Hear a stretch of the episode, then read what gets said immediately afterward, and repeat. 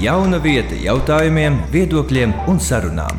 Ienāc LSM nīcā, sabiedrisko mediju portāla raidierakstu klausies populārākajās podkāstu platformās un portālā LSM.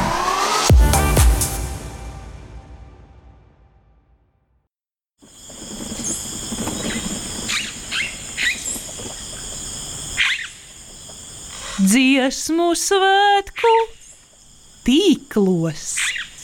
Dziesmu svētku tīklos. Dziesmu svētku pētniecības raidieraksta jauns cikls speciāli LSM nīcai - Raida Naba. Sveicināti! Dziesmu svētku pētniecības raidījumā Dziesmu svētku tīklos. Šī ir raidījuma otrās sezonas noslēdzošā epizode. Raidījuma viesi ir ar šo raidījumu ļoti, ļoti saistīti cilvēki. Pirmās sezonas raidījuma vadītājs, sociologs Jānis Daugavietis. Strādā arī Latvijas Universitātes Literatūras, Folkloras un Mākslas institūtā. Sporādiski pētījis dziesmu svētkus, vairāk radionabas raidījuma vadītājs, vieslektors Jāzep Vīto mūzikas akadēmijā. Sveiki! Blakus Jānim atrodas viesņa, kas ir bijusi pilnīgi visu dziesmu svētku tīklos raidījumu producente, Ieva Jurga.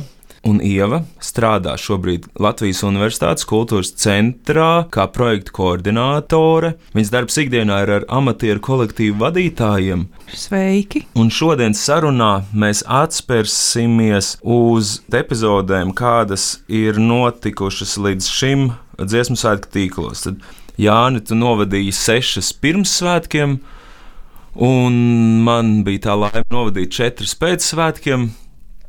Tā kā šodien mēs varēsim atskatīties, kas varbūt mums personīgi katram liekas tās vērtīgākās atziņas, ko mēs tenīs raidījumos sadzirdējām, kāda no tā viss ir pievienotā vērtība. Bet pirms mēs sākam par to runāt, es jautāšu to, ko jūs esat dzirdējuši jau daudzas reizes Ieva, kā tu nokļuvi pirmo reizi dziesmu svētku tīklos? Es nonācu dziesmu svētku tīklos, būtībā bērnībā, sākumā kā skatītājs, ierodoties ar ģimeni uz meža parka estrādi. Un tad tas likās ļoti īpaši un svarīgi. Un tiešām es novērtēju tajā laikā to visu plašumu, un bērni vispār savādāk redz visus tos notikumus. Es īstenībā brīnos, kā pēc tam varbūt tā emocionālā sajūta. Jāsaka, godīgi mazinās, jā, jo tu gribi, lai tev paliek tikpat uh, liels kulminācijas brīdis arī līdz uh, pieaugušā brīdim. Tad um, būtībā pēc uh, tās saka, dalības, kā skatītājam. Esmu gana daudz dažādās vietās piedalījies kā korists, sākot ar mūzikas skolu, tad pēc tam ir uh, skolas koris, uh, un tad jau kādu brīdiņu sieviešu korī, jauktajā korī, un tie jauktie kori ir arī bijuši dažādu, teiksim tā, līmeņu un uh, ar dažādām prioritātēm un motivācijām. Nu, tā kā, jā, un tad uh, otrs, tas ir saistībā ar manu darbu, kas ir uh, salīdzinoši nesen, uh, kur ir uh, darbs jau arī ar uh, amatieru mākslas kolektīvu vadītājiem. Kaut kā tā. Jāni, to es šo jautājumu uzdevis diezgan daudz, bet šoreiz kā ir tev pašam, kā tu nokļuvi dziesmu svētku tīklos? Protams, mājās es domāju, kā es atbildēšu, un veidoju stāstu galvā, jo nu, es centīšos īsumā pateikt ne tikai kā es nokļuvu, bet kā es esmu līdz šim tur spiridinājies iekšā ārā. Tā tad sākuma skolā mani nu, droši vien uzspiežot, lika dziedāt korijas skolas. Tad nāca bērnu jaunatnes dziesmu svētki, un es tur piedalījos kopmēģinājumos. Un, bet, kad bija jābrauc uz pašiem svētkiem, tur bija īpaši trolēļbusi, arī no Ilģu ciema, bet savējo trolēļbusu es nokavēju, tā kā uz dziesmu svētkiem es netiku bērnu. Nākamais posms, es domāju, bija tāds, ka apmēram 90. gados nu, visdrīzāk māte. Nu, visdrīzāk māte man nopirka biļetes, tad uz dziesmu svētkiem tad es aizgāju. Pēc tam jā, tad jau studējot Latvijas Universitātes sociālo zinātņu fakultātē socioloģiju. Profesors Tāls Tisenkovs bija saņēmis pasūtījumu no kultūras ministrijas veidot pētījumu par dziesmu svētkiem pirms nu, jau 20 plus gadiem, un tur viņš mani kopā ar vēl vienu, diviem studentiem uzaicināja piedalīties šajā pētījumā. Un tad, jā, kopš tā laika es vēl esmu bijis dažos pētījumos, dziesmu svētku. Un uh, Cits interesants posms bija pirms kādiem astoņiem gadiem, kad es strādāju Latvijas Republikas centrālajā statistikas pārvaldē. Es iesaistījos korī kā dziedātājs. Un, protams, tā bija apzināta tāda pētnieciska izvēle no iekšpuses, uh, iekļaut tajā novērojumā, kā mēs saucam šo metodi, arī lai es tādā veidā pētītu dziesmu svētkus. Bet uh, es arī piedalījos atkal kopmēģinājumos, nāca uh, 8. gada dziesmu svētki, nē, 18. Nu, nav būtiski. Bet uh, kaut kā es netiku līdz tiem dziesmu svētkiem. Uh, vienīgi es uzstājos Kuldīgas uh, reģionālajos dziesmu svētkos. Un uh, nu, pēc tam atkal es esmu vienā otrā pētījumā, kaut ko esmu rakstījis joprojām. Un, jā, viens no lielajiem pēdējiem projektiem ir raidījums dziesmu svētku tīklos šeit, Nabā un LSM. Uzreiz var būt jautājums, tu nokavēji to trolēļbusu jau nu, bērnībā. Cik, cik, kā tu jūties? Vai tu biji priecīgs, bēdīgs, vai tev bija kāds izjūts, vai tas ir atstājis iespēju uz tavu tālāko dzīvi un saistību ar šiem mhm. svētkiem? Es tieši arī domāju, mājās, kādas bija tās manas emocijas. Nu, es biju samērā paklausīgs puisis, tad es domāju, es diezgan mazliet biju apbeidināts un varbūt nobijies. Bet, uh, Man liekas, skatoties uz to, ka pēc tam es laikam vairs korī negāju, neviens arī nespieda, un acīm redzot, neviens arī man pārāk nepārmet, ka es neiesēdos tajā trolēļbusā un nepiedalījos dziesmu svētkos. Es domāju, tas tā diezgan viegli pagāja gan man, gan skolas korim, gan dziedātā, dziedāšanas skolotājai. Tā kā es, es nebiju apbēdināts. Stāsta beigās, tu esi jau nokļuvis uz estrādes kā dziedātājs. Uh, Vistuvāk es biju tajos, ja nemaldos, 18. gada dziesmu svētkos, bet tad uh, es gadu apmēram pirms tam pametu uh, šo centrālās statistikas pārvaldu, pārgāju uh, folkloras, uh, literatūras mākslas institūtā strādāt, līdz ar to arī skori pametu. Un, uh, kā dziedātājs neesmu bijis uz estrādes, bet uh, fotosesijā es esmu tur piedalījies, staigājis. Un, nu, protams, arī pēdējos uh, dziesmu svētkos bijis vismaz skatītāju rindās. Mm -hmm. Paldies! Tad jā, viens solis vēl jāizpild, ir jānonāk līdz estrādei. Nākamā pētījuma avots varētu būt arī, arī šāds. Jā, jo es visu laiku zinu un apzinos, ka vīriešiem tas ir ļoti viegli izdarāms. Jā. Uh, it īpaši, ja tu puslīdz uh, spēj noturēt uh, toni vienkāršākajās dziesmās, tad tevi jebkurā korī paņems kaut vai uh, pāris nedēļas pirms dziesmu svētkiem. Nu, es tā pieļauju, ka tā varētu gadīties joprojām. Tas ir, es domāju, jā, ar manu nelielu piepūli tas būtu diezgan viegli izdarāms. Jānis ir novadījis vesels sešus dziesmu tīklos, raidījums ir uh, pilnībā visus organizējusi viesus un veidojusi raidījuma tēmas.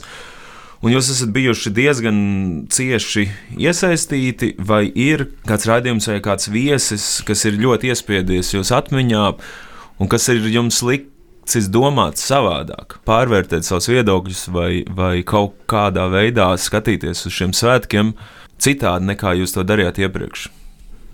Nu, man patika saruna ar uh, Aigaru Nordu un Ingu Holstu, tagad jau Ingu Dulku. Tāpēc, ka viņa pieredze tiešām kā, palīdzēja palūkoties uz šo visu arī savādāk un arī, kā es teiktu, vieglāk. Ja ņem vērā to, ka tas pats maratons uh, apvienot teju tikpat daudz dalībnieku kā dziesmu un deju svētki. Un, viņš tiešām arī pastiprina to, ka šāda veida pasākumi ir arī viens labs, brīnišķīgs variants, kā piesaistīt turistus vietai. Tad, uh, jā, man liekas, tas būtu jāpatur arī dziesmu deju svētku sakarā. Es to laikam gribēšu laikam vēl pēc tam pieminēt par to, kā mēs uh, izmantojam savā labā arī tīri uh, valsts attīstības ziņā. Hei, šis ir vēl viens variants, kā reklamēt valsti, kā izveidot atkal kaut kādus jaunus sadarbības uh, variantus. Man patika viņa tie ieteikumi, ka varbūt pārdomājiet, vai tiešām vajadzīgi ir pieci gadi organizēšanai. Varbūt to var samaz, samazināt, un tie var būt tik pēc divi gadi, bet uh, ir svarīgi paklausīties no malas. Jāni, kas tev ir iespiedies atmiņā? Jā, es pārlūkoju visus viesus, kas bija šajā redzējumā, dziesmu svētku tīklos līdz šim. Un, jāsaka, ka ļoti dažādi un atšķirīgi viesi, un faktiski katrs kaut ko savu un jaunu teica, par ko citi nerunāja, jo viņi tik dažādi. Un, es noteikti ieteiktu cilvēkiem paklausīties vecos rādījumus un svaigos rādījumus, ja neesat to vēl izdarījuši. Bet uh, es laikam visvairāk domāju Un, man varbūt arī visvairāk pārsteidza Mārtiņa Staķa vērtējums un teiktais. Tobrīd viņš bija vēl Rīgas domas mērs. Un, uh, man bija tas priekšstats, līdz, līdz tam bija tāds, ka Mārtiņš Stačs, tā kā viņš ir uh, privāti biznesā, tad otrajā sektorā daudz strādājis, bijis uzņēmējs, tad viņam uh, šis uh, skats uz, uz dziesmu svētku procesu, organizāciju ir diezgan uh, liberāls. Uh, Tā tad ja, ir brīvais tirgus un ir valsts, bet nu, pēc iespējas vairāk atdodam brīvajam tirgumam daudz ko. Ieskaitot arī kaut ko no dziesmu svētkiem, bet tā staķa pozīcija bija tāda, principā, ka viņš ir pilnīgi valsts pašvaldības tajā pusē, ka valstīm pašvaldībai ir jāuzņemās visa, gandrīz visa šī atbildība un jārūpējas par dziesmu svētkiem. Tas, tas man nedaudz pārsteidz, un jā, par to es domāju, varbūt domāju līdz šim arī. Un, vai tavs personīgais viedoklis ir līdzīgs ar, ar Staķi? Šajā jautājumā? Tieši nē, un tāpēc es arī biju pārsteigts, jo es tomēr uzskatu, un tas mans modelis drīzāk labais piemērs ir Igaunija, kur Igauņu dziesmu svētki ir nodoti jau sen kopš 90. gadu sākuma daudz lielākā mērā trešajam sektoram, tātad biedrībām, nevalstiskajām organizācijām, kamēr Latvijā nevalstisko organizāciju uh, par priv privātu kapitālu nerunājot, nozīme dziesmu svētku procesā un organizācijā ir ļoti maza. Tā kā jā, es būtu, un to es domāju, mēs esam rakstījuši arī savos rakstos un pētījumos, ka nu, lūdzu apsveram šo ideju, ka nav valstī un pašvaldībām pilnīgi simtprocentīgi viss jāuzņemās, viss jāfinansē un, un jāorganizē, ka ir trešais sektors, ir otrais sektors. Tātad, nevalstiskais un privātais, kas varētu iespējams daudz vairāk iekļauties. Un, jā, ja mēs skatāmies uz uh, Latviju un mēs runājam par pilsonisko sabiedrību, kurā pilsoņiem vajadzētu ar vien vairāk iesaistīties, organizēt kopienām, organizācijām dažādām, tad uh, kur tas ir dziesmu svētku gadījumā īsti gan arī nemaz nav. Mēs par to nerunājam tik daudz. Varbūt uzreiz vēl viens vēl papildu jautājums. Tagad tu jau iepriekš par šo esi gan pētījis, gan rakstījis. Varbūt ir dzirdēti kādi argumenti, ko tad Igauni ir pazaudējuši. Vai kas tās priekšrocības, ko valsts un pašvaldības stiprināti vai organizēti svētki dod, un ko nespēja tu pieņemsim izdarīt pilsoniskā sabiedrība? Uh, nu viens uh, pirmais tāds emocionālais uh, kontrarguments ir tāds, nu kas tad notiks ar dziesmu svētkiem, ja valsts pašvaldība nefinansēs, tad vispār iznīks šī tradīcija. Nu, tā droši vien noteikti nebūs, bet tāds otrs nopietnāks un pamatotāks arguments ir, ka ja valsts sistemātiski nefinansēs dažādos veidos dziesmu svētkus, sākot ar izglītības sistēmu, piemēram, uzturot kurdiriģentu katedru vai, vai kursus mūzikas akadēmijām, protams, mūzikas skolās, tad kvalitāte, dziesmu svētku kvalitāte ies mazumā, un nu, tas, tas jau nav pieļaujams. Jo, nu, dažuprāt, nu, profesionālo mūziķu prāt, protams, kvalitāte ir svarīgākais, iespējams, vissvarīgākais, kas ir. mākslinieckā izcilība. Tā tad, nu jā, tā ies zudumā. Un es domāju, ka tā noteikti būtu, bet vai tas ir galvenais? Un to arī, arī šī raidījuma viesis, viens otrs, kuram ir bijusi pieredze salīdzināt Igaunu dziesmu svētkus ar Latvijas dziesmu svētkiem. Viņi saka, ka nu, bieži vien tas jau tāds uz balagāna pusi, tie Igaunu dziesmu svētki. Kaut gan no otras puses cilvēki ir daudz laimīgāki, varbūt relaksētāki, uh, pikniko savā dziesmu svētku strādē. Jā, tā, ir, nu, tā, protams, ir apzināta izvēle, jā, kurā virzienā mēs ejam. Gan politiska izvēle, gan arī estētiska. Tas, ko minēja Jānis par to, vai tas būtu kaut kas šausmīgs, ja tas pārvērstos vairāk uz festivāla pusi, nezinu, vai tas būtu labi. Man patīk, kā minēja Arnolds Klotiņš, tā, kad mēs runājām šo vēstures sērijā, ka tur ir tā unikalitāte, ka šis profesionālisms satiekās ar amatierismu, man liekas, nekur citur tā īsti nav. Jautājums ir par balansu, par to, lai nesāk prasīt par daudz no dalībniekiem. Es domāju, tādā ziņā, ka tie līmeņi, kādi ir koriem un uh, deju ansambļiem, un arī amatieru mākslā, es domāju, teātrī, kokuļu ansambļi un tā tālāk, un tā joprojām. Viņi ir ļoti dažādi, un viņiem arī dažādi uzstādījumi.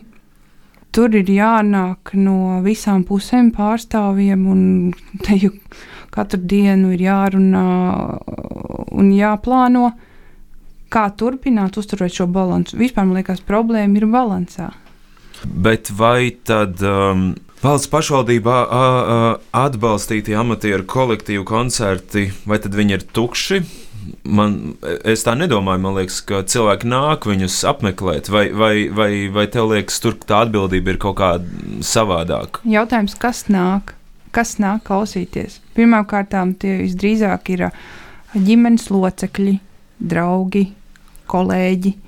Ļoti labi, ka viņi ir. Nu, tie ir tie galvenie klausītāji. Tad, kad kurs jau ir pierādījis, ka viņam ir augstāka kvalitāte un augstāka varēšana, tad viņš arī var, protams, cerēt. Es tagad runāju par koriem, protams, tāpēc, ka man ir vairāk pieredze bijis no šīs puses, ka viņi varēs nu, sagaidīt vairāk apmeklētājus. Nu, kā lai saka, ja tu salīdzinātu, nezinu, Jānim, ja viņam pajautātu, viņam būtu izvēles iespēja iet tagad klausīties radiokori, pirkt biļeti par radiokori, uh, vai pirkt uh, kādu amatieru koru koncertu. Kur viņš izvēlēsies? Tīri pirmā izvēle. Oh, es nevienu neizvēlēšos, jo tā nav mana mūzika. Bet uh, es uh, tikko intervēju Gunti Vanagu, vecrīgas uh, kluba depo vadītāju īpašnieku, un uh, viņš uh, visu mūžu ir bijis uh, tautu deju ansambļu dejotājs. Un, kā es saprotu, elitāros uh, kolektīvos ir dejojis. Uh, viņš teica, nu, jā, runājot par šiem koncertiem, ka nu, parasti jau, nu, kas tad nāk uz tiem koncertiem, citi dejotāji, kas piedalās tajā pašā koncertā, un, nu, protams, rada draugi. Un viņš arī bija mazliet pārsteigts, ka es teicu, ka nu, jau vairākus dziesmu svētkus ir tā tendence, ka dejotāju ir vairāk pa, par dziedātājiem, un šī atraušanās no dziedātājiem tikai aug. Par to viņš bija pārsteigts. Tavs viedoklis, kāpēc dejotāji ir vairāk? Mm, īsti tādu skaidru pētījumu, fokusētu šo jautājumu nav bijuši, bet es domāju, tas saistīts ar mūsu novecošanos un to, ka nu, mēs uh, saprotam un uh, jūtam, ka mums vajag arī fiziski kustēties, ja ne tikai strādāt oficiālos un uh, pirkstiņus klabināt, un ka tas mūsu veselībai ir vajadzīgs. Es domāju, tas viens liels uh, faktors. Es par šo piekrītu, tāpēc, ka it sevišķi Covid laikā ka mēs bijām nedaudz iesprostoti katrs savā kastītē. Es arī sāku apsvērt uh, domu, ka koru mūziku, vispār vokāla mūziku noliku nost un uh, sāku meklēt, izskatīt uh, iespējamos deju ansambļus, kur varētu arī piedalīties. Ņemot vērā to, ka man nav nekādas pieredzes. Un gandrīz jau gandrīz pieteicos, un tad es sāku klausīties uh, kāda mūzika, kādas fonogrammas tiek atskaņotas šiem, šīm dejām. mm, paklausos vienu, paklausos otru, un arvien vairāk un vairāk saka, nepatīk. Un es saprotu, ka man ar šo ir problēmas. Ka, ja es šo faktoru izslēgtu, ka tas man netraucē, kas tur fonā ir, es varbūt arī aizietu. Jo nu, dēļ labākais veids, kā neaizdomāties par to, ka tu apzināti tagad tur kustini kaut kādas muskuļu grupas, vai ne? Tagad tev tur ieslēdzās kardioslodze, tad tev tur ir stiepšanās, tad tu, tu par to nedomā. Tas ir tas foršākais. Ja mēs vēl atskatāmies uz uh, dziesmu saitku tīklos uh, raidījumiem, tad uh, nu, jāatzīst, ka deju, deju kopiena bija uh, ļoti maz pārstāvēta. Nu, tas ir uh, tradicionāli diezgan, kaut gan uh, droši vien vajadzētu vairāk šai jomai pievērsties. Um, vienā raidījumā, turpat, kur bija klotiņš, bija arī Ilze Šarkovska liepiņa, un mums parādījās doma, kur viņi diezgan ātri paši pēc tam iedeva arī pretargumentus, bet vai nebūtu vērts uh, atsevišķa dziesmu svētku nedēļa un atsevišķa deju svētku nedēļa. Ja, vai jums ir par šo kādas domas? Es uh, neesmu tik specifiski domājis, bet uh, noteikti par to vērts uh, diskutēt. Bet atcaucoties uz uh, vienu no mūsu raidījumiem, kur bija Valdis Mukta Pāvils, viņš tā ļoti uzmanīgi un uh, politkorekti teica, ka dziesmu. Svētkos ir uh, trīs pamatlietas, uh, ja, uh, trīs, uh, trīs notikumi. Uh, gājiens, koru kari un paši dziesmu svētki.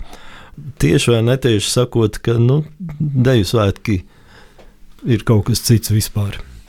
Bet, ja skatās pēc vācu baltiešu piemēra, tad tur vēl pieliktu klāt um, garīgās mūzikas, mm -hmm. tad tas būtu pilnīgi tā pati tradīcija, kurai jau drīz 200 gadi būs, ne tikai 150. Tas ir uh, labs atkal arguments. Es uh, arī laikam vairāk redzu, ka vajadzētu izdalīt uh, deju svētkus uh, no dziesmu. Uh, jo ir uh, ļoti milzīgs piedāvājums pirmkārt priekš uh, apmeklētājiem, un ir tik daudz dzirdēts, ka koristi arī labprāt būtu aizgājuši uz tiem pašiem deju koncertiem, un dejotāji būtu aizgājuši uz koru, bet to fiziski nevar izdarīt. Ir jau tā milzīga slodze ar mēģinājumiem. Vai nu to taisa katru savā nedēļā, vai nezinu, vispār izvēlēt līdz mēnesim. Protams, ka tad uzreiz sāksies sava pretstība un uh, runas par to, ka finansiāli to nevar pavilkt.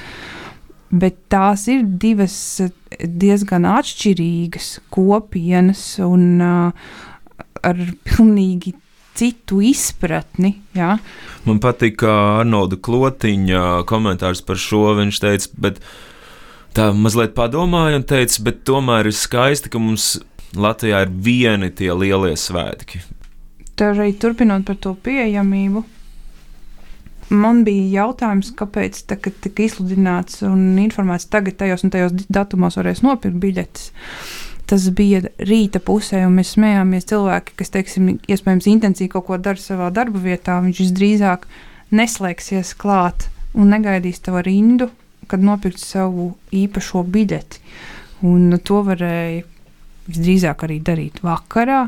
Kaut gan tas ir tikai mans novērojums un ieteikums. Un, un tad tā otra sadaļa bija tā, ka tu jau redzi, ka nezinu, pirms tevis stāv jau 120 cilvēki, tur ir tāds cilvēks, kurš staigāja ekrānā. Uh, tev sāk likties, ka tev varbūt nevajag.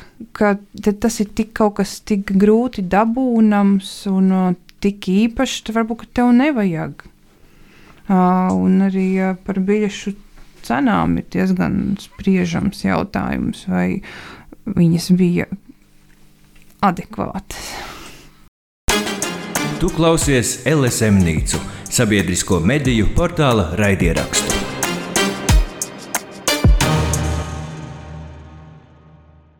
Jā, nu varbūt tev ir kaut kas, kaut kas sakāms par to ekskluzivitāti, jo tas pasākums notiek reizi, nu, tas noslēguma koncerts notiek reizi piecos gados. Mēs gan publiski uz ārzemēm, gan iekšēji sakam, tā ir ļoti, ļoti svarīga lieta, un, bet viņš ir reāli pieejams uh, nu, tik daudz cilvēkiem, cik ten iestrādē var, var sanākt. Kā ar šo situāciju var apieties? Jo nu, estrāde ir renovēta, tā skatītāja zona ir pataisīta vēl lielāka. ir vēl papildus koncerti un ģenerāli mēģinājumi. Kā, kas vēl varētu būt tāds, kas, kas palielinātu to, to, to iespējamību? Nu, tad pieredzēt to, ja jau mēs sakām, ka tas ir kaut kas ļoti, ļoti svarīgs. Nu jā, tur ir tā nelielā pretruna, ka tas ir valsts pašvaldību uzturēts, finansēts, organizēts pasākums, kur valsts uh, iegulda līdzekļus. Tad mēs nodokļu maksātājiem, pēc tam, kad notiek koncerts, tad mums vēlreiz ir jāiegulda savi jau pavisam personīgie līdzekļi, pērkot biļetes. Tas viens jautājums, un nu, iespējams pretruna, par ko arī, nu, jā, es domāju, paši dziedātāji, dejotāji mazliet apvainojās, ja viņi tur dejo, dzied, un pēc tam viņiem pašiem jāpērk biļetes sev radiem draugiem. Plus vēl tu viņas nedabūji beigu beigās īpaši lētākas. Jā, bet uh, par uh, ietilpību, par uh, pieejamību, protams, uh, lai arī dziesmu svētku estrāde ir uh, renovēta, es nedomāju, ka tur daudz skatītāju zonu bija paplašināta, jo tā ietilpība laikam ir uh, 30 tūkstoši, ja, kas ir vispār nekas priekš dziesmu svētkiem, sēdvietas laikam. Uh, Protams, vēl tur sanāk dziedātāji un dejotāji kājas stāvot. Tas ir ļoti maz, ja, ja mēs sakām, ka tie ir galvenie Latvijas svētki un tur tiek tik maz cilvēku skaits. Tas ir par mazu. Es, es būtu domājis, ka nu, varētu jau mēģināt uztaisīt kādu milzu aizstrādi, ja šo nav iespējams paplašināt. Tad uh, uztaisīt kādu lielu, tā kā Tallinas uh, dziesmu svētku laukumā vai iestrādē, kā to sauc, kur eh, laikam pusmiljons diezgan mierīgi var sajiet, ja es nemaldos. Bet, nu, acīm redzot, uz kādu laiku šis vilciens ir aizgājis, jo cik um, daudzi desmiti, man liekas, pār simtam miljonu ieguldīti uh, jaunās iestrādes um, renovācijā, tā kā droši vien tas nebūs aktuāls kādu ilgāku brīdi šāds uh, jauns megaprojekts. Kā tev šķiet, Jāni, vai uz noslēguma koncertu ieradās tie cilvēki, kas tiešām gribēja tikt uz šo koncertu? Uh, vienmēr, protams, uh, daudz kas atkarīgs gan no tava maka biezuma, gan no tavas veselības un citiem apstākļiem. Kā, nu, protams, jau ka nē. Daudzi, kas gribēja, nevarēja, bet, nu, ja tu ļoti, ļoti gribi, tad jau nu, tu vari sakrāt tos, es nezinu, simts plus mīnus latus un kaut kā dabūt kaut vai no spekulantiem. Uh, gan jau tik traģiski nebija, es domāju, kopumā. Viens veids, vēl kā nokļūt dziesmu svētkos, ir būt par brīvprātīgo. Un es zinu, ka Ieva, tu esi runājusi ar dažādiem brīvprātīgiem un iesaistītājiem uh, gan šajos dziesmu svētkos, iespējams, arī iepriekšējos, un varbūt uh, kādas atziņas tu ieguvi? Tur bija ļoti pozitīvas atziņas. Tur bija pat ieteikums tiem, kas ir varbūt nedaudz noguruši kā dalībnieki vai kā apmeklētāji dziesmas un deju svēku sakarā, ka šī brīvprātība palīdz atjaunot tās labās un pozitīvās emocijas par dziesmu svēkiem. Kā pat īstenībā teju skartavas patriotiskās jūtas par valsti kā tādu. Viņiem arī nesen runāju arī ar vienu meiteni. Viņa tātad to visu nedēļu uh, ir. Uh, kur nu viņiem ir katram ir nosūtīts tas atbildības punkts. Viņi tiešām ir atbildējuši par plūsmu, tur ir dažādi tie uzdevumi. Viņa saprata, ka iespējams, ka pēc šīs pieredzes viņa iespējams atkal atgriezīsies kā korists.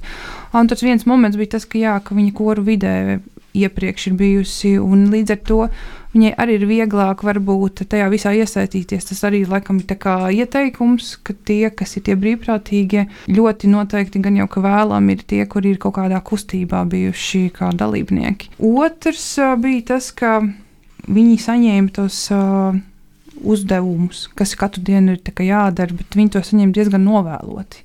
Un tur sākās šis haoss par to, ka e, cilvēku plūsma ir šausmīgi milzīga. Un līdz ar to tas jau ir jāskatās augšgalā. Vai viņi savā starpā, cilvēki, kas plāno šo brīvprātīgo darbu, ir izrunājuši kā tas izskatīsies realitātē un praksē. Vai tur ir kādas apmācības vai nav, to es nezinu. Un tas bija vienīgais tāds moments, nu, plus vēl viņas novērojums. To mēs arī dzirdējām, starp citu, no vairākiem mūsu viesiem par tiem koncertiem koncertu garumu. Un visi kā viens vēl joprojām akcentē, ka tīrums ir bijis šis koncerts, kas ir bijis izdevies. Viņi to arī no sava brīvprātīga skatu punkta redzēja, cik dalībnieki paliek nogurušāki vai spējīgāki normāli iesaistīties koncertā priekšnesumā. Jā. Un uh, otrs, kas nebija brīvprātīgs, bija šie, arī bija interesants saruna ar koru kolonu koordinātori, kas jau izrādās bija tāda pieredzējuši. Tas nozīmē, ka viņi nebija tie pirmie uh, dziesmu deju svētki. Un, uh, viņa apstiprināja to, ka tur ir ļoti vēlams, uh, lai tur iesaistās tie cilvēki, kas ir gan bijuši ar koru mūziku sakarā, gan kam tiešām jau ir Uh, ir izpratne par to, jo es pati trāpījos uh, gan pie tādas, kas ir ar pieredzi, gan bez. Un tie cilvēki, kas vada, koordinē plūsmas, viņi ir fenomenāli. Bet, uh, bet viņiem ir jāsaprot, uh, kāds ir viņu mērķis. Jo tie dalībnieki var būt noguruši jau no pirmās mēģinājuma dienas, tikai tāpēc, ka viņi nesaprot, kur kas atrodas kur kas ir jāmeklē. Un, uh, tur ir runa par to, kārtīgi reizi, ka ir nepieciešams finansējums, lai varētu palielināt iesaistīto cilvēku skaitu. Vairāk koordinatori, vairāk brīvprātīgie, jo līdz ar to viņi var ātrāk visu palīdzēt risināt visas šīs plūsmas, jautājumus, ēdināšanas jautājumus, nezinu, mantu meklēšanu un tā tālāk un tā joprojām. Jā, bet tā nu, brīvprātīgi ir vēl viens labs moments, kā novērtēt svētkus. Viņi iesaka arī pārējiem, tie, kas ir savādāk, nevar sevi atrast vairs svētkos, kad lai pamēģina darbību kā brīvprātīgajiem. Mm -hmm. Tu pieminēji arī to nogurumu. Es, es, um, es tiešām arī novēroju ļoti labas atsauksmes par koncertu tīrums no mūsu viesiem. Man ienāca prātā arī, protams, noslēguma koncertam sanāca tā, ka tīrums beidzās, nākamajā rītā sākas mēģinājumi. Nu, nu, principā ir viena dziesmu svētki jau ir gandrīz tā kā beigušies, un sāks vēl viena uzreiz. Vairākas tēmas, ko tu jau pieminēji par cilvēku atgriešanos, plūšanu prom no svētkiem, un es pajautāšu Jāni, tev tieši kā pētniekam, cik uh, daudz šādas lietas ir pētītas, pieņemsim, vidējais dziesmu svētku dalībnieka vecums, biežums, cik, cik vidēji dziesmu svētkus kāds nodzied. Uh, uh, kādas ir iekšējās motivācijas, kāda ir statistika, vai ir kāda vispār ir vide, pētniecības vide Latvijā, un, un uh, cik uz šiem jautājumiem var tiešām nu, zinātniski um, datos balstīt atbildēt. Paldies! Brīnišķīgs jautājums. Es pilnīgi es prieku, nezinu, ar, ar kuru aspektu sāk, sākt atbildēt, bet pētījumi ir bijuši visu laiku, un pētījumi turpinās. Pētījumi ir dažādi, bet arvien vairāk kļūstot vecākam, un arvien vairāk, arvien smagāk ir izturēt šīs sarunas, intervijas, ja, kur cilvēki sanāk, stāsta kaut ko, bet es kā pētnieks, es tomēr arī esmu ieguvis. Um, grādu lietišķajā socioloģijā, es gribu datos balstītus secinājumus un pētījumus. Un arī tādi mums ir dziesmu svētku pētniecības vēsturē. Tipiski tās ir iedzīvotāju aptaujas, un, piemēram, viena liel, lielā pēdējā aptauja bija piedevām, kur aptaujāt par dziesmu svētkiem Latvijas iedzīvotāju, Igaunijas un Lietuvas. Uh, 18. vai 17. gadā šī aptaujā notika, tad Kultūras akadēmijas pētījuma programmas ietvaros. Tātad ļoti labi dati, un kaut kur viņi ir analizēti, kaut kur publicēti, bet es domāju, nepietiekami. Bet, Tātad tas ir viens tips. Cits tips ir īpaši datu tips, ja mēs skatāmies uz mūsdienām, kad mēs varam atpazīt katru cilvēku pēc sejas kur nu vēl saskaitīt cilvēkus pūlī, vai kur mē, mēs visi to varam. Ir tādas tehnoloģijas, vai tās ir izmantotas dziesmu svētku pētniecībā, domāju, ka nē. Bet kas ir ļoti sāpīgs punkts, par ko es esmu arī runājis, nu, vismaz savos sociālajos tīklos, varbūt arī minējis nedaudz šeit, dziesmu svētku tīklos, ir par uh, dziesmu svētku statistiku, kas tiek ievākta pēdējos, nu, dažos vismaz dziesmu svētkos. Tātad katrs dziesmu svētku dalībnieks iegūst ID karti. Un, uh, faktiski nu, viņš tiek izsekots, un uh, ir uh, datubāze arī uh, vārds, uzvārds, uh, no kurienes viņš nāk, vecums. Uh, es nezinu, kādu vēl dati, bet šos datus varētu ļoti smuki un smalki analizēt dažādos veidos. Bet, uh, tā problēma ir tāda, ka pēc dziesmu svētkiem, es nezinu, cik ātri, pēc nedēļas vai dienas šie dati tiek izdēsti. Jo Latvijas Nacionālais kultūras centrs saka, ka viņiem nav tādas tiesības, kompetences un atļaujas glabāt tik daudz personīgos datus, un tie tiek izdēsti, un pētniekiem nav pieejami. Tas ir ļoti traks gadījums joprojām. Tā nevajadzētu būt nākotnē. Ir taču ļoti daudz metodas, kā var saglabāt statistiku, bet nesaglabāt uh, privātos datus. Uh, Kas būtu vispār tāda institūcija, tu strādājas arī Latvijas statistikas pārvaldē, kam būtu jāievāc šie uh, dati un jā, nu, jānodrošina tas tā pētniecība? Nu, pieņemsim, dziesmu svētku gadījumā dziesmu svētku dalībnieku dati ir ievākti. Tātad to ievāc šī uh, institūcija, Latvijas Nacionālais kultūras centrs, bet uh, jautājums ir par glabāšanu, anonimizāciju vai pseidonimizāciju. Uh, arhivēšana, deponēšana digitālā drošā arhīvā, kur uh, nav pieeja varbūt uh, jebkuram, bet tikai pētniekiem vai, vai uh, valsts uh, iestāžu dalībniekiem, bet tādiem datiem būtu jādeponētiem. Un, uh, es domāju, ka ir atbildība Latvijas uh, mm, ierēģņu pārvaldniekiem, kuri acīm redzot, nav pietiekami labi izglītojuši teiksim, šo iestādi un iespējams arī citas, kas vienkārši nobīstās un neko nedomājot tālāk, izdzēs šos datus. Nu, tad pastāstiet, varbūt īsi mm, kaut kāds trīs iegūmus radio klausītājiem, kurš, kurš na, ikdienā nesteigs ar datiem, ko izdzēšot datus mēs pazaudējam, ko mēs varētu iegūt, uh, ja šā, jau šiem datiem varētu veikt pētījumus. Nu, mēs pirmkārt varētu dažādas interesantas lietas uh, ieraudzīt, un arī pēc tam viegli vizualizēt. Uh, piemēram, uh, cik, uh, kāds ir īpatsvars no dažādiem novadiem, cik daudz amatieru nāk no dažādiem novadiem, vai ir kādi novadi, no, no, kurā, no kuriem uh, neviens nepiedalās, teiksim, deju vai dziesmu svētkos. Mēs varam nu, vienkāršākās lietas, uh, es tagad uh, saku. Saucamo aprakstošo statistiku. Tad mēs varam paskatīties, kāda ir vīriešu, sieviešu proporcija, kāds sadalījums pa vecumiem.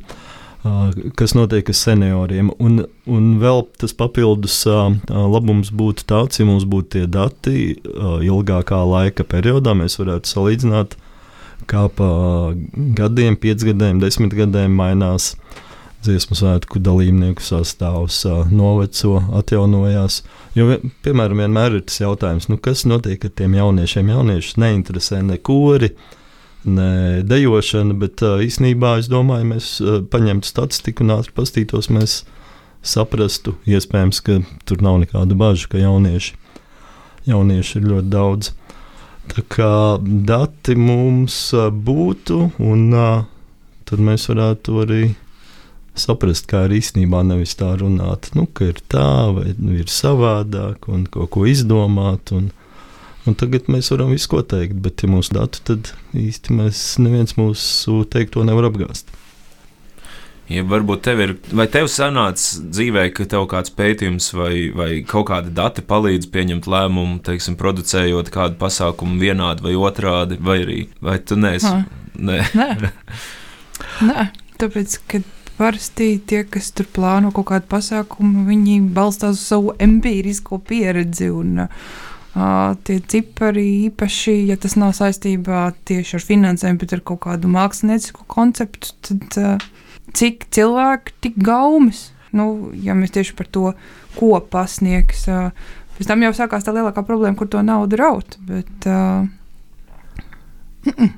Iespējams, tavā laikā Spotify un citi straumētāji vēl nebija tik izplatīti, kur mēs mūsdienās varam uzreiz ātri pastīties, cik tad īstenībā šo grupu, nu, ja mēs runājam par populāro mūziku, bet ne tikai cik šo grupu izpildītāji īstenībā klausās, patērē. Jā, jā.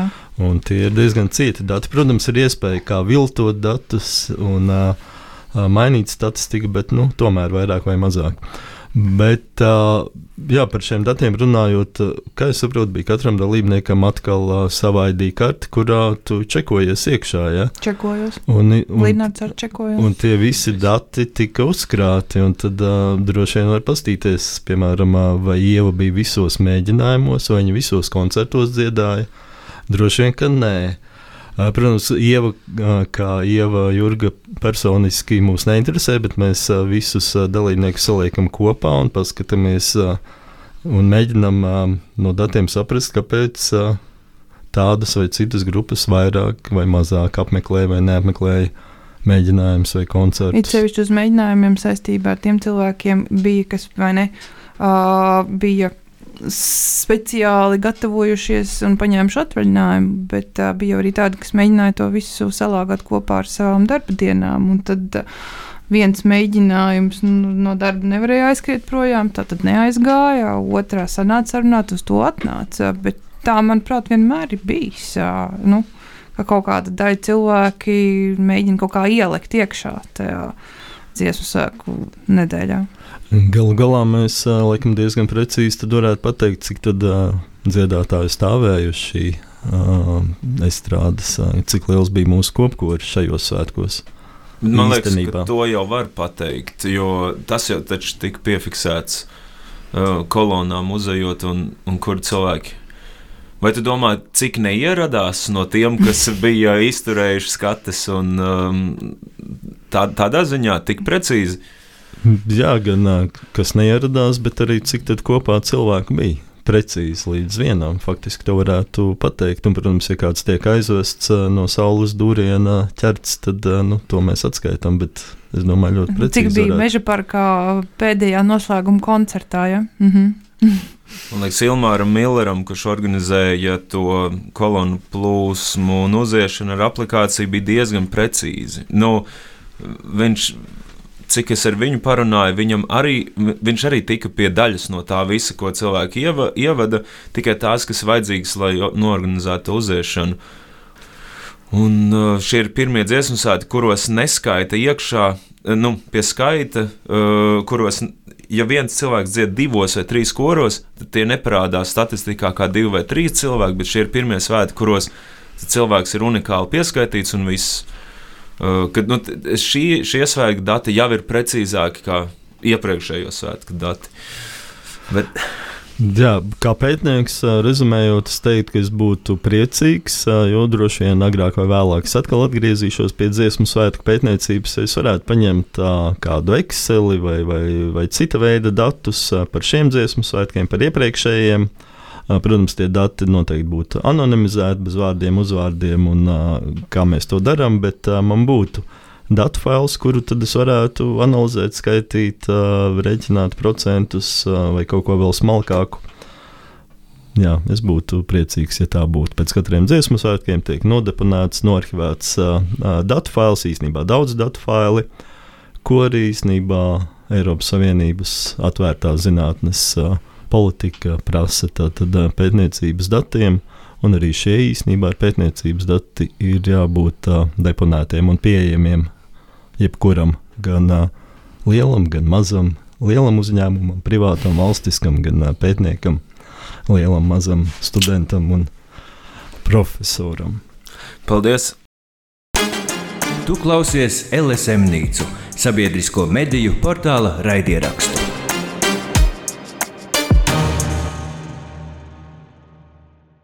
Atgādināšu raidījumu klausītājiem, ka viesos studijā ir Ieva Jūrga, Latvijas Universitātes kultūras centra projekta koordinātore, arī raidījuma dziesmu svētku tīklos producente, kā arī Jānis Daugavietis, sociologs, Latvijas Universitātes literatūras, folkloras un mākslas pētnieks, ir vairāku radio un abas raidījumu vadītājs. Tuvojoties raidījuma noslēgumam, es jums pajautāšu, kas jums tieši šajos svētkos atstāja vislielāko personīgo iespaidu. Jautāšu par sajūtām, ne, ne, ne datos balstīts jautājums. Uh, dziesmu svētki un deju svētki vēl nebija sākušies, kad uh, es jau sāku lietot tādu jēdzienu kā dziesmu svētku nogurums. Un īsnībā es gribēju arī pašā raidījuma sākumā jums jautāt uh, procentos vai daļās, cik liels ir jūsu dziesmu svētku nogurums. Nu, man jau liekas, ka man varētu būt 85%. Tā kā dziesmu svētki nogurdināja mani jau pirms tie bija sākušies ar, ar visādiem skandāliem un, un nesaprašanām. Un uh, arī pēc tam, un arī faktiski joprojām. Tā kā varbūt uh, jā, emocionāli nogurums.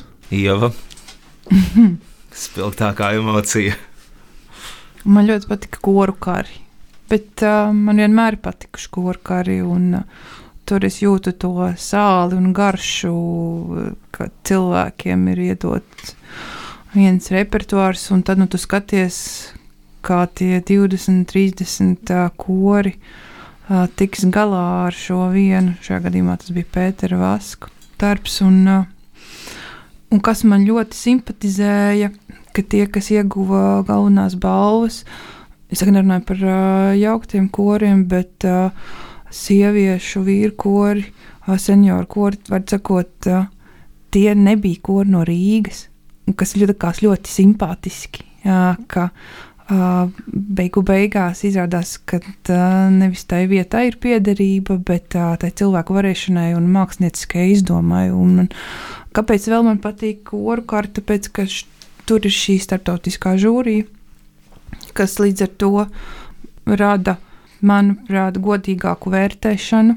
Un, uh, man gribētos, lai tā ir arī skatēs, uh, lai ir caurspīdīgāka vērtēšana.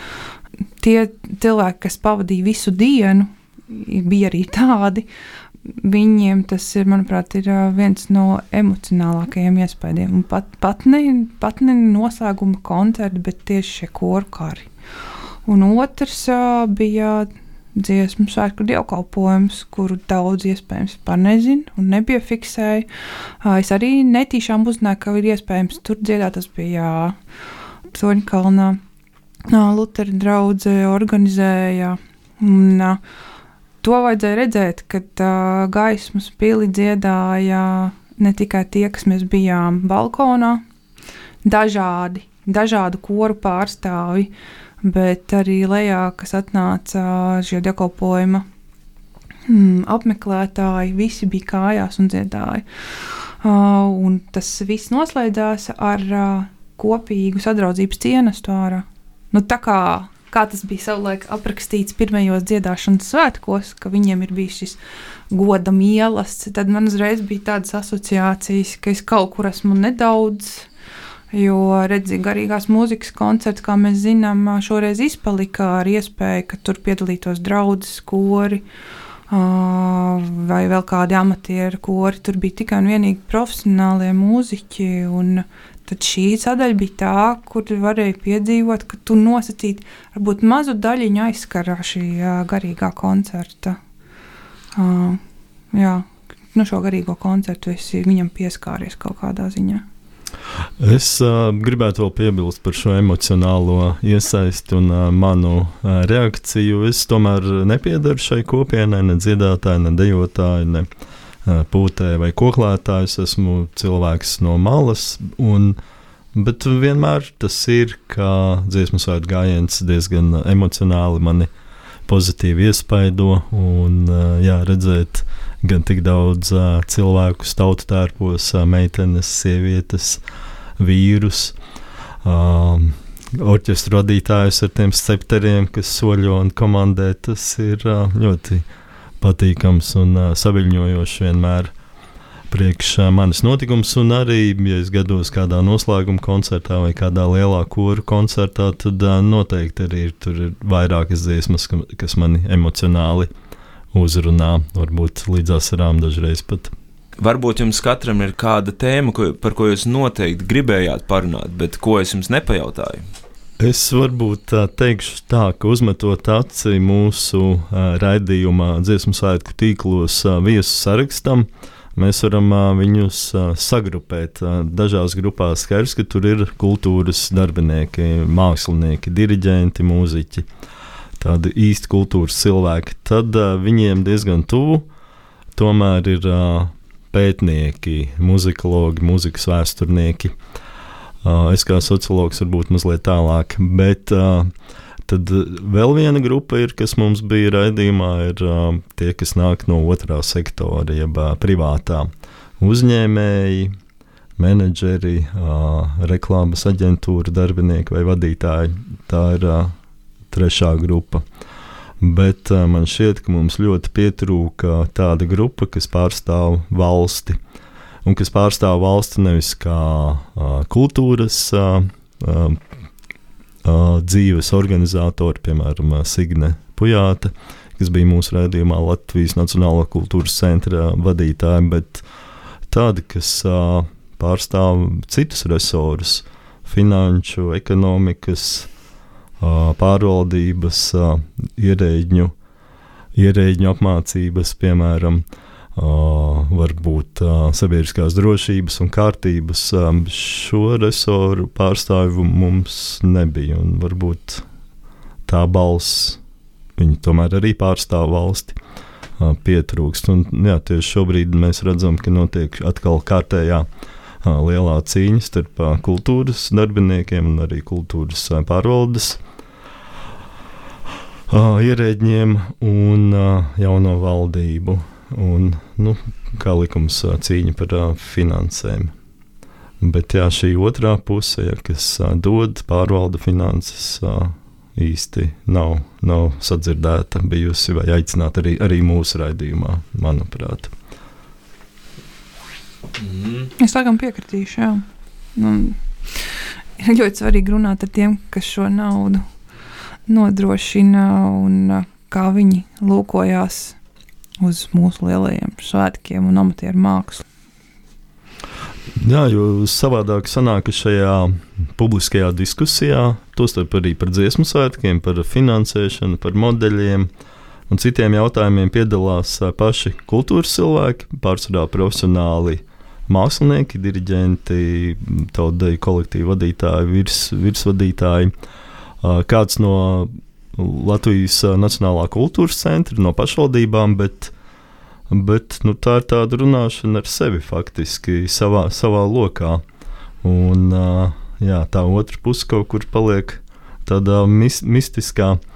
Mistiskā statusā, un īsnībā arī saprotams, tai otrai pusē ir diezgan grūti uh, būtu piedalīties un ir piedalīties šajā diskusijā, jo ko tad viņi teiks? Nu, nē, mēs arvien mazāk dosim naudas dziesmu svētkiem, jums ir, protams, citas prioritātes, medicīna, aizsardzība, un nu, tā būs. Bet nu, visi jau mēs esam latvieši, vairāk vai mazāk, un uh, tur vajag diezgan lielu drosmi pateikt, ka Uh, dziesmu svētki ir svarīgi, bet uh, ir kaut kas vēl, vēl svarīgāks, nu, vismaz šobrīd. Un, jā, skatoties Latvijas ekonomisko attīstību, mēs esam diezgan švaki, švaki, švaki un vāji. Tā kā nav tās naudas tik daudz, lai varētu visiem, mm. vai tik daudz, cik gribētu visi dot. Pēc divām dienām sāksies um, dziesmu svētku izvērtēšanas konference. Vai jūs varbūt esat iepazinušies ar to, kas tur notiks, vai jums ir kaut kādas uh, arī cerības vai kaut kādas nu, interesi par, par šo? Nu, tas, ka tur jau ir iespēja tagad apmeklēt vairākas, gan LNKC organizētāji, pēc tam ir arī kultūras akadēmijas. Tad ir, ja iet uz vienu, ir vērtīgi aiziet arī uz otru un pastīties kādus akcentus. Uh, ko nu, kur, kā saka, pārstāvniecība izmanto. Mm. Nu, es ceru, ka tur tiks aplūkots ļoti daudz saistībā ar organizatoriskiem jautājumiem, jo ir viens ir vīzija par svētkiem, un ko gribētos, un kā tam būtu jāizskatās, bet uh, man ir mīļš vārdiņš loģistika tā būtu ļoti jākārto un jāorganizē jau tagad patiesībā. Visi šī uh, cilvēku resursi uh, un uh, kas pie kā atbildēs un kā nu, novadīs. Nu, tā ir ļoti, manuprāt, svarīga sadaļa. Man liekas, jā, viena no problēmām, manuprāt, kas arī šajās konferencēs visdrīzāk parādīsies, ir tā, ka Latvijas dziesmu svētku pētnieku un organizatoru kopiena ir salīdzinoši maza un ir faktiski tā ir viena viena tāda grupa. Nu, piemēram, ja mēs paskatāmies uz kultūras ministriem un varbūt ministru arī, varbūt tā Nauris Puntulis ne, bet šķiet, ka pārējās dažas ministres ir bijušas doktorantes vai joprojām ir doktorantes Latvijas Kultūras akadēmijā. Un, uh, kam pēdējos gados uh, kultūras ministrija pasūta pētījumus, tos par dziesmu svētkiem Kultūras akadēmijai. Uh, Un tas lokus ir tik mazs, varbūt arī Latvijā nevar savādāk, bet, bet kāpēc ne šos konkursus, pētījumu konkursus rīkot starptautiskākus? Es domāju, kāpēc ārzemju pētnieki nevarētu pētīt mūsu dziesmu svētkus, piemēram, gan jau ka varētu.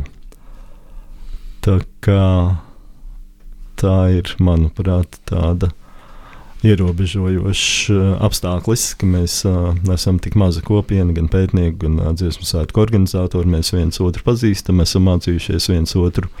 Otrā augstskolās, universitātēs un akadēmijās dziedam tajos pašos koros, esam draugi jau desmit gadiem vai paziņas, un uh, tas, es domāju, par labu nenāk ne pētniecībai, ne arī organizācijai kā tādai. Varbūt kādi pēdējie vārdi un novēlējumi nākotnes tiem pašiem dalībniekiem, organizatoriem, pētniekiem un arī pašiem sev? Meklējiet uh, datus, analizējiet un uh, savus secinājumus un spriedumus mēģiniet balstīt uh, datos.